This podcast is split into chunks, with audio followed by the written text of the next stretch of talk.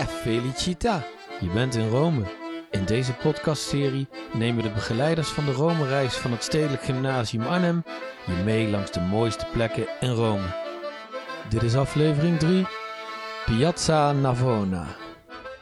Ik ben Martine Drogendijk en ik loop met Roberto, zo kennen we meneer Ter Horst, hier in Rome namelijk, richting het Piazza Navona. We lopen nou het plein op. En wat maakt dit plein voor jou zo bijzonder? Nou, Martine, volgens velen is dit nou eenmaal het mooiste plein van Rome. En volgens de Romeinen is het dus het mooiste plein van Italië. En volgens de Italianen en mijzelf is het dan ook meteen het mooiste plein van de hele wereld. Ja, oké, hartstikke mooi allemaal, maar wat is er dan zo mooi aan? Nou, kijk maar mee vooruit. We lopen nu vanaf de zuidkant het plein op en je ziet meteen de langgerekte vorm, de fonteinen, de barokke beelden bovenop de fonteinen, de terrassen en de gebouwen om het plein heen, het sprookjesachtige licht, maar ook de gezelligheid door alle mensen die er lopen, de kunstenaars die hier aan het schilderen zijn, de verkopers van allerlei mooie en grappige dingetjes, de acrobaten en de spelende kinderen. Ja, inderdaad. Ik, ik vind het echt prachtig. Het is echt heel mooi om te zien uh, allemaal, ja. En weet je, Rome heeft vele bijnamen, hè? En één daarvan is Stad van de Liefde. Oh.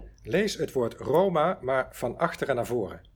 Mhm. En je hoeft alleen maar naar dit plein te kijken en je begrijpt waarom de stad zo genoemd wordt. En een andere bijnaam is Stad van het Zingende Water. Vanwege de vele fonteinen in deze stad. En op dit plein staan juist drie van die prachtige fonteinen. Inderdaad, ja, ik zie het. En we lopen meteen door naar de middelste, want dat is de wereldberoemde Vierstromenfontein van Bernini. Oh ja. Uit 1651. Zo oud. Had ik nog even opgezocht. Wat goed. De beelden van die vier riviergoden op deze fontein vertegenwoordigen ook de vier toen bekende werelddelen. Zo hebben we de Nijl voor Afrika, de Ganges voor Azië, de Rio del Plata voor Amerika en de Donau voor Europa. De obelisk in het midden van de fontein is maar liefst 16 meter hoog en de totale hoogte van deze hele fontein is 35 meter. Zo hé, zo hé. Tja, en hier tegenover zit trouwens een van de beroemdste en chicste ijsjeszaken van Rome, Tre Scalini. Kom, gaan we daar een ijsje halen en dan eten we dat op op de rand van de Fontana dei Fiumi. Oeh, eh, dat is een heel goed idee. En eh, die zaak ziet er inderdaad geweldig uit, eh, Rob.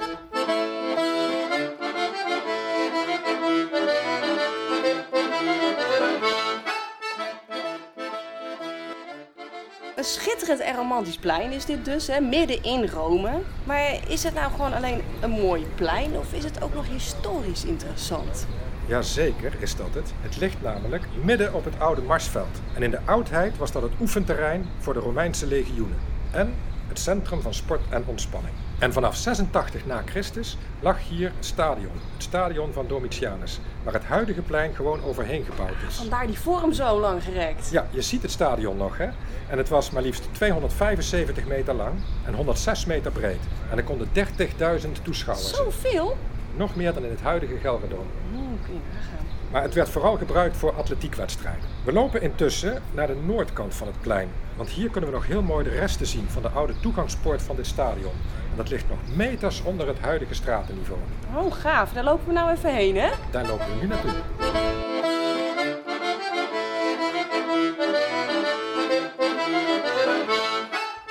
Nou, wauw, het is inderdaad eh, prachtig, Rob, om te zien. Eh, en, en trouwens, dat ijsje, dat is ook heerlijk, vind je niet? Ja, dat smaakt Ja. geweldig.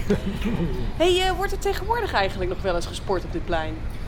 Jazeker, ook dat. Bijvoorbeeld tijdens mijn allereerste Rome-reis, mijn eigen allereerste Rome-reis met deze school. Dat was wel alweer 30 jaar geleden. Ik wou net zeggen, dat is wel weer even geleden. Ja, ja, ja, Steiner en Van der A waren daar trouwens ook bij. En we hadden toen een hotel vlakbij het plein. Eh, waarschijnlijk leeft het plein ook daarom zo bij mij hoor. We gingen elke avond daar wel even naartoe om iets te drinken of een ijsje te eten. En op een avond gingen een paar leerlingen samen met mij een potje voetballen. Dat is trouwens ook wel een mooi verhaal geworden. Want ik dacht dat we op z'n Italiaans zouden gaan spelen. Een beetje showen, een beetje stoer doen, balletje hoog houden, overtikken, koppen. Maar nee, er moest en er zou een partijtje gespeeld worden. Drie tegen drie. Op het Piazza Navona dus. Een briljant idee. Midden tussen alle rondlopende mensen hebben ze een veldje uitgezet. De ene goal werd een bankje aan de zijkant van het plein en de andere goal een deel van de onderkant van de zuidelijke fontein, de Fontana del Moro. Oké. Dus ik vond het een beetje tricky hoor. En ik zei nog, jongens, rustig aan. Denk eraan, bal laag houden. Denk aan alle mensen die hier lopen. Maar goed, vrijwel direct schiet een van die gasten oh, snoeihard op goal. Die goal van de fontein. Oh, nee. Bal komt op de lat Dat was de rand van de fontein. Kwam omhoog en plons midden in de fontein. Oh, oh, oh, oh, oh. Ja, ja, dat was wel even wat hoor. Bal weg. Maar een van die leerlingen deed meteen zijn schoenen en sokken uit, banjerde door het onderste bazin van de fontein heen om die bal eruit te Oh gaan nee, niet. halen. Ja, ja, want jij en ik weten, het Oh. is heel streng verboden om door fonteinen heen te lopen. Absoluut, ja. En of de duvel ermee speelt, ik zag al meteen om de hoek van de fontein een auto met carabinieri, Italiaanse politie, Ja, verschijnen. ja, ja. En toen hoorde ik er dus eventjes niet meer bij. Ah, lafaard. Ja, ik zag mezelf al een nachtje in een Romeinse cel zitten. Heb je die jongens gewoon laten stikken? Nee hoor, ik heb ze van een afstandje bekeken en ze kwamen er uiteindelijk met een waarschuwing vanaf. Jeetje, nou, schitterend verhaal Roberto. Dankjewel, dankjewel. Ik vond het heel leuk om te doen. Ciao allemaal. Ja, hartstikke bedankt dat je ons hebt meegenomen naar jouw favoriete plek, eh, Roberto. En dit waren Martine Droogelijk en Roberto Terhorst vanuit Rome. Geniet van je reis en luister ook naar de andere afleveringen van deze podcastserie.